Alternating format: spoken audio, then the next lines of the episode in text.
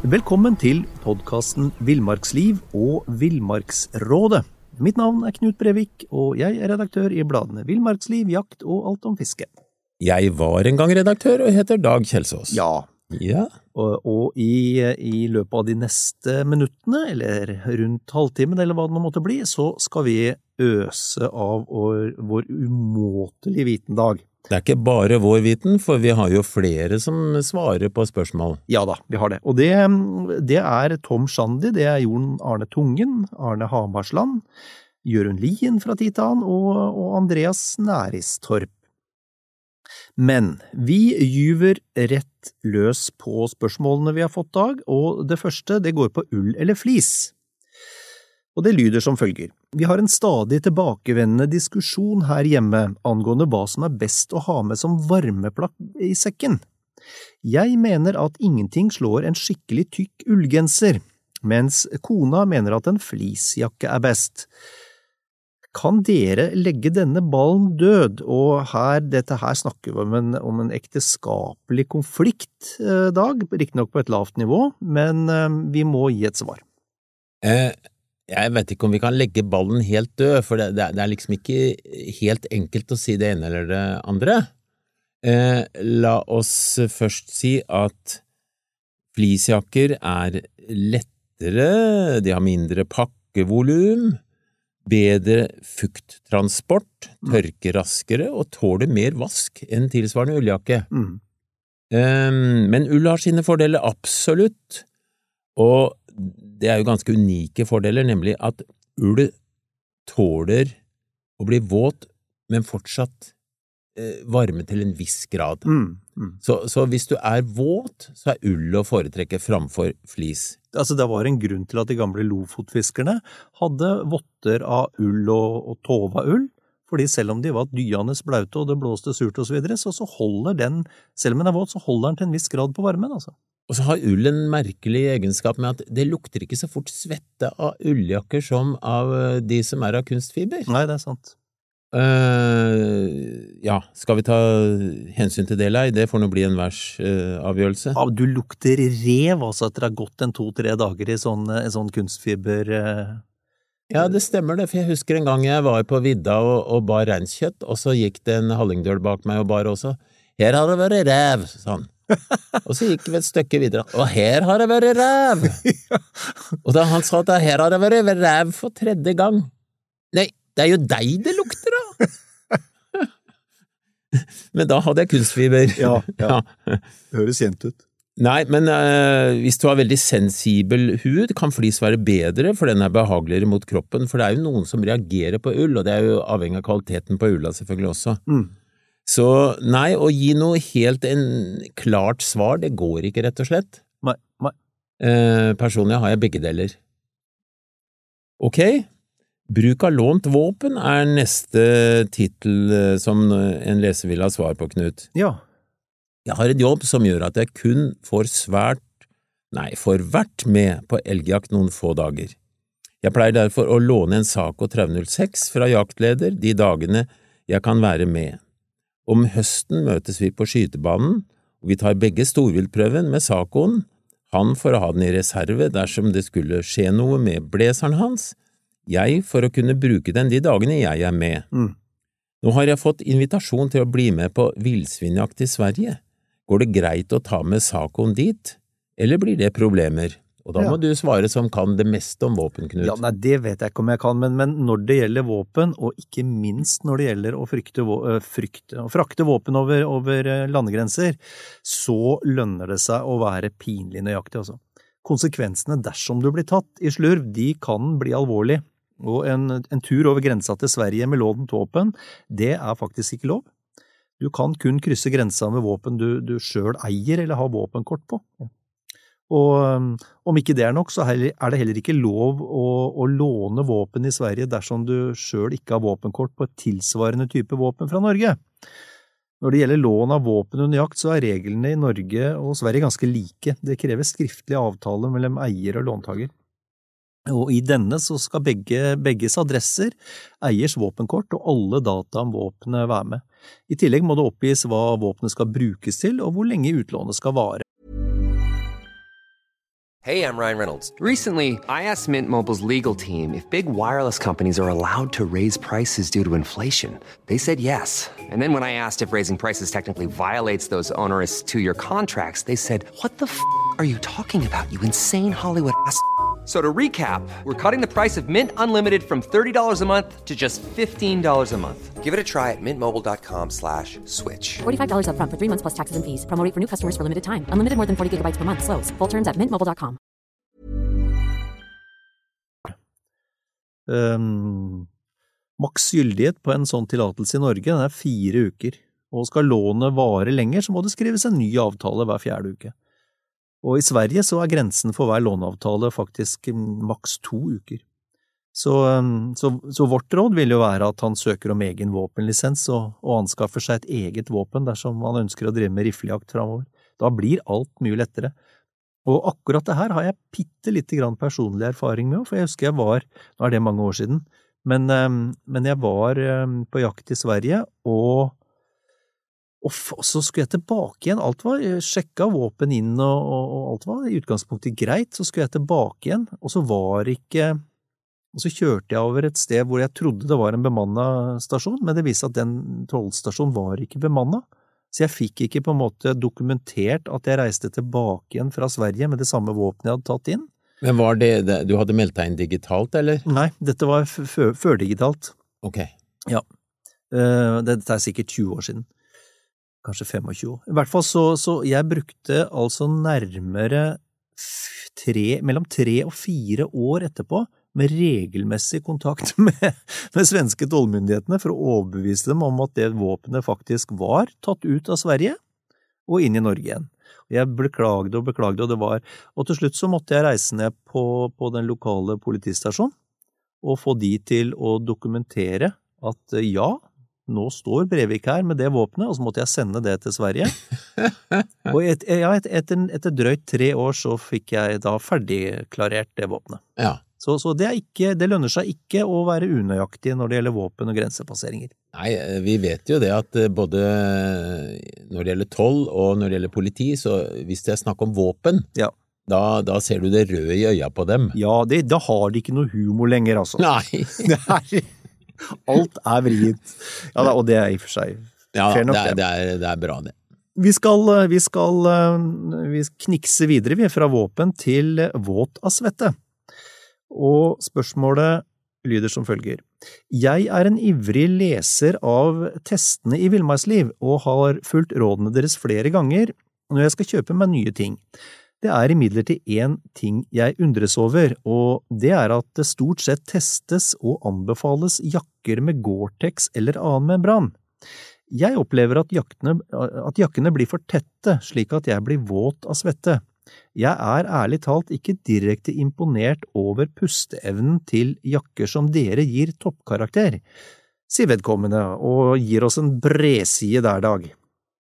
Ja, det jeg holdt på å si, det er kanskje produsentene som skal ha bredsida, men, men eh, det er jo sånn da at uh, hvis du svetter mye, så, så får du ikke alt ut gjennom disse såkalt pustende uh, jakkene. Altså, de slipper uh, disse, Det er en membran, da, Ja. som slipper vanndamp ut, men ikke vanndråper inn, for Nettopp. å si det enkelt. Mhm. Eh, Men altså, det det er jo begrensa hvor mye som slippes ut da. Og denne leseren er ikke den første som tar kontakt om eh, et sånt spørsmål, for ei membranjakke, den er ikke like åpen, kan vi si da, som for eksempel ei jakke av bomull. Nei. Når en membran brukes sammen med andre materialer, så blir det gjort for å gjøre jakka mer vanntett og vindtett eh, også da. Mm. Aber er selvsagt at jakka da også, også blir tettere.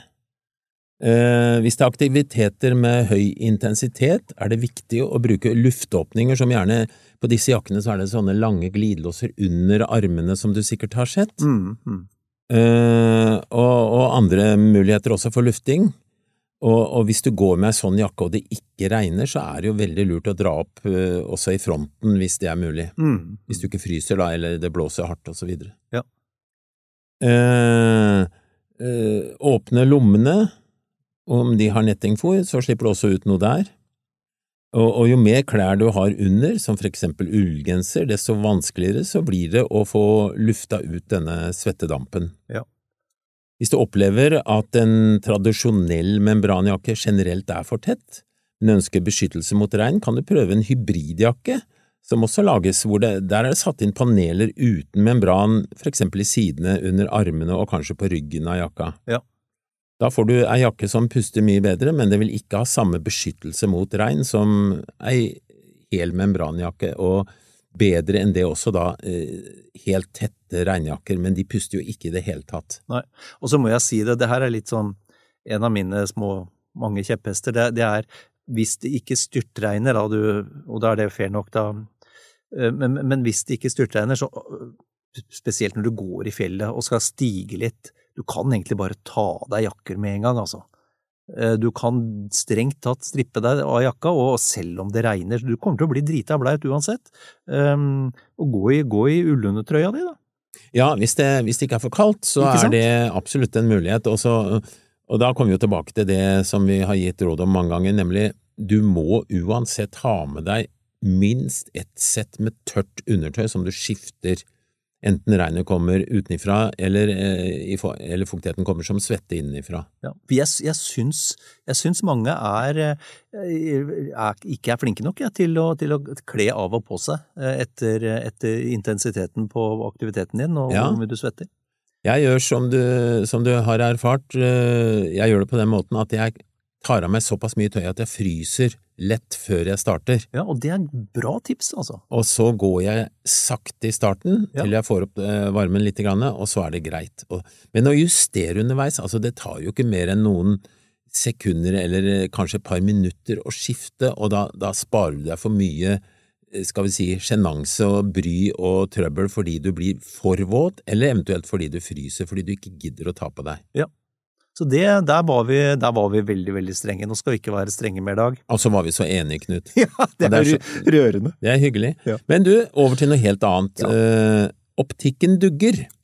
Det gjør den. Ja, for her står det følgende, mye av revejakta mi foregår med åte og postbu, altså en, en kamuflasje på en måte, da. Mm, mm, Det samme gjelder når jeg drar til Sverige på, vils, på vakjakt på villsvin. mm. Det store problemet er at jeg får dugg på kikkertlinsene akkurat når jeg som mest trenger å ha klar sikt. Når jeg aner en bevegelse ute i mørket og tar opp kikkerten eller kikkertsiktet, skjer det gang på gang, Mm. dugg og rim hvis det er skikkelig kaldt. Mm. Og det gjør det umulig å få tatt sikte. Ja. Ja, vi kjenner problemet. Mm. Løsningen min har vært en pusseklut festet til kikkertsiktet eller siktet med en gummistrikk slik at den alltid er lett tilgjengelig. Med denne pussingen forsinker og forstyrrer Nei, men, men, men denne pussingen forsinker og forstyrrer og er ikke, ikke optimal.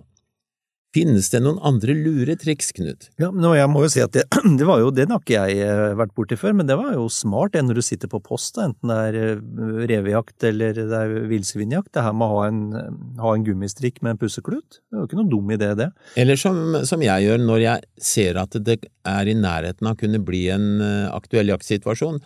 Jeg har nok tørkepapir i lomma, Ja. og jeg tar opp en bit av det og holder i den ene hånda mens jeg sniker meg innpå, eller hva nå som skjer, og da kan jeg tørke umiddelbart eh, foran en situasjon eller i en situasjon. Ja, for det, det, dette er jo sånn klassisk spørsmål for alle som driver med åtejakt når det er kaldt ute, og det som, eh, det som eh, er bakgrunnen for problemet er jo at varm luft, den, den holder jo på mer fuktighet enn kald luft. Og når eh, eh, fuktig luft nedkjøles, eh, når den før eller siden duggpunktet da, og vanndampen, den felles ut som vanndråper.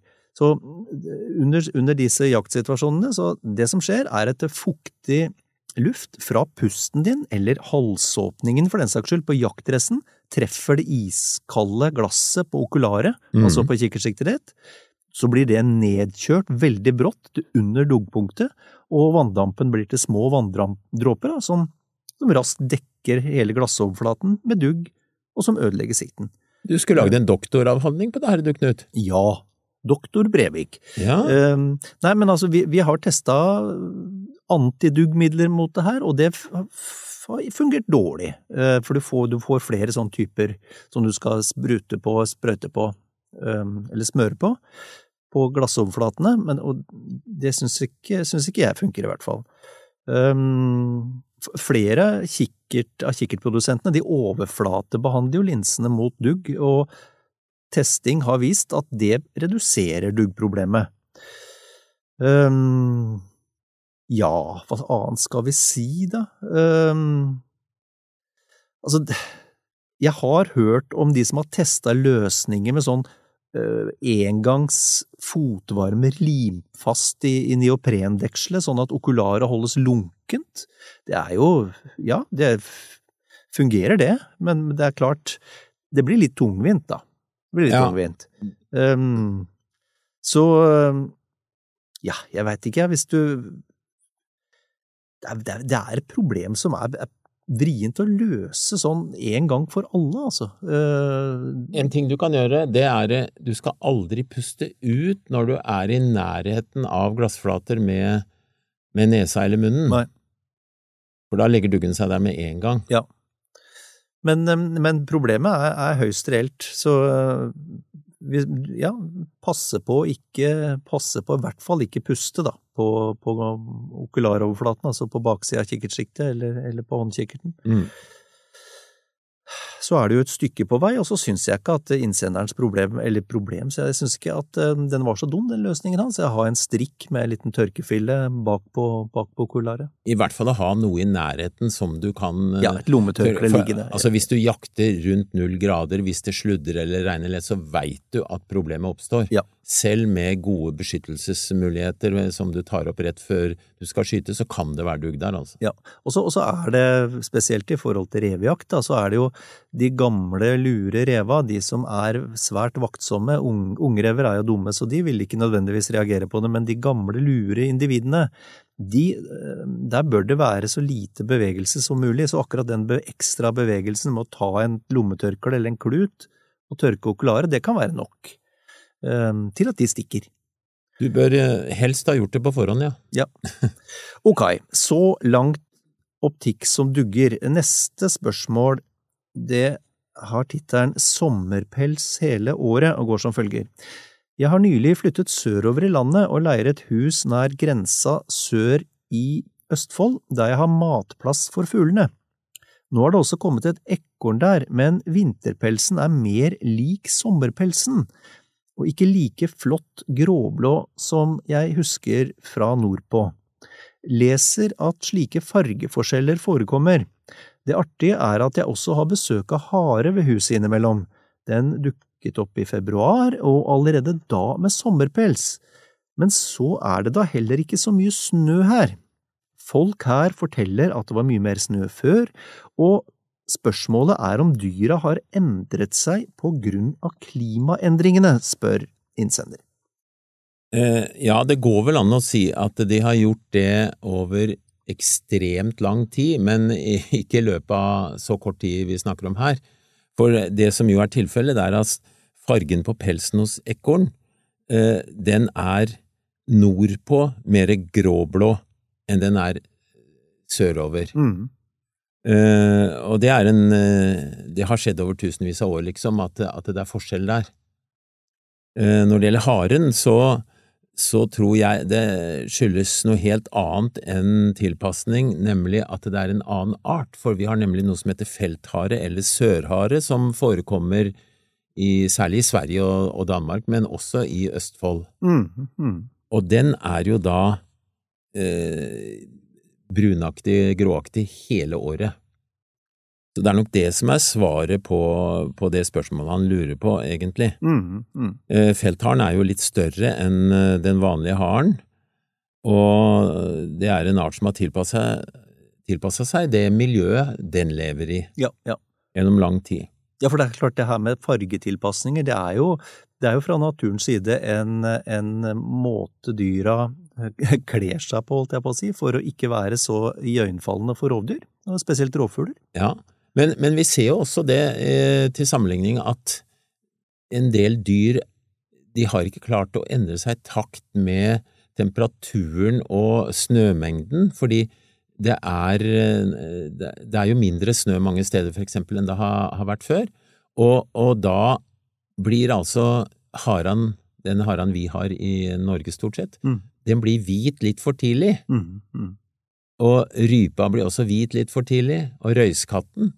Så, så de har et lite problem, men, men eh, de er klar over det. Mm. Så, så de skjønner at de er litt utsatt, så de tar også hensyn til det ved å gjemme seg mer, da. Ja.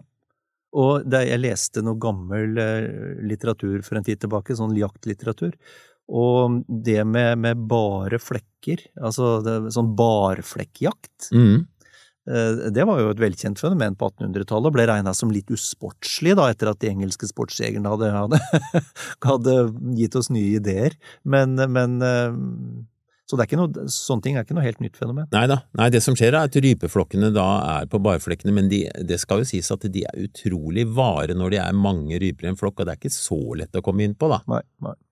Ok, over på eh, tema mat på langtur. Ja, mat er jeg glad i. I forbindelse med planlegging av langtur, så er planleggingen å få vekta på utstyret og mat lavest mulig. Samtidig ønsker jeg å være selvgående i 10–14 dager uten å måtte etterfylle mat og drivstoff. Ja. Det jeg lurer på, er hva proffene gjør når de skal ha med seg nok mat og energi på lavest mulig vekt. Kan dere hjelpe med tips? How would you like to look five years younger? In a clinical study, people that had volume added with Juvederm Voluma XC in the cheeks perceived themselves as looking five years younger at six months after treatment. Look younger, feel like you. Add volume for lift and contour in the cheeks with Juvederm Voluma XC. Reverse signs of aging by adding volume to smooth laugh lines with Juvederm Volure XC. For important safety information and to find a licensed specialist, visit juvederm.com. That's J U V E D E R M.com. Not for people with severe allergic reactions, allergies to lidocaine, or the proteins used in Juvederm. Common side effects include injection site redness, swelling, pain, tenderness, firmness, lumps, bumps, bruising, discoloration, or itching. There's a risk of unintentional injection into a blood vessel, which can cause vision abnormalities, blindness, stroke, temporary scabs, or scarring. Talk to a licensed specialist to find out if it's right for you. Hey, I'm Ryan Reynolds. Recently, I asked Mint Mobile's legal team if big wireless companies are allowed to raise prices due to inflation. They said yes. And then when I asked if raising prices technically violates those onerous two year contracts, they said, What the f are you talking about, you insane Hollywood ass? So to recap, we're cutting the price of Mint Unlimited from $30 a month to just $15 a month. Give it a try at mintmobile.com slash switch. $45 upfront for three months plus taxes and fees. Promo for new customers for limited time. Unlimited more than 40 gigabytes per month. Slows. Full terms at mintmobile.com. Ja, altså når det gjelder mat på, på langtur, så er det, jo, er det jo mange meninger, og det er like mange måter å sette sammen eh, en sånn meny, holdt jeg på å si, som, som det er folk. Og det skyldes jo rett og slett at vi liker litt forskjellig mat, og, og i tillegg så må jo kroppen og fordøyelsen fungere med den maten vi har med, da. Men det som uansett er et faktum, er at rent fett eh, er den maten som inneholder mest energi per vektenhet. Og det gjelder også olje. Olje også, ja. ja. Um, men på langtur så trenger vi jo også proteiner og mineraler og, og for å fungere. Og fordøyelsen vil også slite med å fungere godt på rent fett. Jeg vil jo tro du ble ganske øh, oppstipert etter hvert. Um, så i praksis så er det jo er det jo best å spise variert mat, men å gjøre den mer energirik ved å tilsette olje og fett, da. Altså, du kan for eksempel bruke frysetørra ferdigmåltider som veier lite, og de tar jo liten plass. Og så kan du tilsette en god slump med, med rapsolje eller, eller, matfett. Da får du opp, får du opp eh, energien, mat, eller verdien på maten. Fordi du, du vet, en sånn pose med, med turmat er jo stort sett ikke noe mer enn 400-500 kalorier. Nei, det er litt lite hvis du, hvis du er tøff og går langt og så videre, ja. Ja, og i løpet av en, si at du går en dag da, med, med sekk 10-12 timer, så har du jo fort forbrukt kanskje 4000-5000 kalorier. Ja, men det er jo en ekstremt bra slankekur, da. Ja, absolutt, absolutt. Eh, det, men, men i hvert fall i, i fjellet så tenker jeg at for de fleste av oss er ikke det viktigste å tenke kalorier. Eller det er viktig å tenke kalorier, men ikke så få som mulig. Der er det faktisk viktig å få dem i seg. Ja, helt klart. Um, og bare for å ha nevnt det, altså andre, altså andre matvarer med mye energi, det er jo, det er jo Vi har jo nevnt smør, ekte majones, um, massevis av, av energi. Peanøtter, hasselnøtter, skålla mandler, melkesjokolade naturligvis. Delfiakake er, er, er, er jo en vinner! Ja, men det er jo bare herlig å gå på tur, for dette er jo godt. Det meste av det her er jo kjempegodt. Ja. Uh, nei, så her er, det, her er det om å gjøre å, å få i seg litt, og, og for å få avveksling, da, så kan jo eksempel vedkommende gå de to-tre første dagene, um, og så bruke bacon og nudler som, som surres i kremfløte til middag. Det er jo virkelig snaddermat. Men um, igjen, eh, han, han er nødt, han eller hun, jeg fikk ikke med meg om det var en han eller hun som hadde sendt det, men eh, må, jo, er jo nødt til å bære med seg dette, og det er jo det som er begrensningen. Og da kan det være lurt å sette sammen lett tørrmat i poser eh, med ordentlig energirik, feit mat som smør og fløte og bacon. Og så er de fleste, de satser jo på å fiske litt underveis, da. Jo, jo. Men det har jeg, iallfall jeg erfart at kan gå veldig dårlig. Men, men en, en ting er at det, når vi snakker vekt, som er litt av utgangspunktet for den som spør, så er det klart at det ikke bærer med for mye vann, eh, så fremt det iallfall er mulig å, å få smelta snø eller få tak i vann på turen. Nei. For det er vann som veier, og det er derfor vi har disse frysetørka alternativene også. Ja, ja, det er sant. Og så kan du selvfølgelig, har du hund da, som du kan kløve litt med, så, så, så hjelper litt. Men det er klart å gå, å gå med, med, med Starte opp med en sekk som er eh, noe stort tyngre enn 25-30 kilo, det er jo det er tøffe tak. Så er det et punkt til. Det, er, det lønner seg å gå på tur med en kjempesterk kompis som syns det er gøy å bære. Ja, det, det er sant. Det er sant. Ok, um, neste spørsmål. Ukjent fuglelåt. Jeg synes det er veldig spennende med fugler, og har stadig fuglebrettet fullt av små gjester. Tidlig en morgen i februar, akkurat idet det lysnet, hørte jeg en merkelig låt jeg ikke har hørt før. Jeg finner den ikke på teipen jeg har med fuglelåter. Det var mange plystretoner i ganske rask rekkefølge, og de steg stadig på skalaen. I tonehøyde kunne det minne om gulspurvens vårsang, men ellers helt forskjellig. Lurer på om det kunne være jerpe, for den finnes her, og jeg har hørt den et par ganger, også det med helt forskjellig tonerekkefølge. Har mange finkefugler her, men denne låten var forskjellig fra det jeg har hørt tidligere. Kan dere sette meg på sporet? Ja, eh, det må nok bli å sette på sporet, for, for eh, du må rett og slett høre den låta for å si noe sikkert. Men jeg har en sterk mistanke, og den går i retning av eh, en type fugl som ikke er nevnt, nemlig spurveugla. Å ja, Den har nemlig en plystrende, stigende og veldig høy tone. ok. Så eh, basert på den beskrivelsen som, eh, som eh, leseren her gir, så vil jeg tro at dette er ei spurvugle.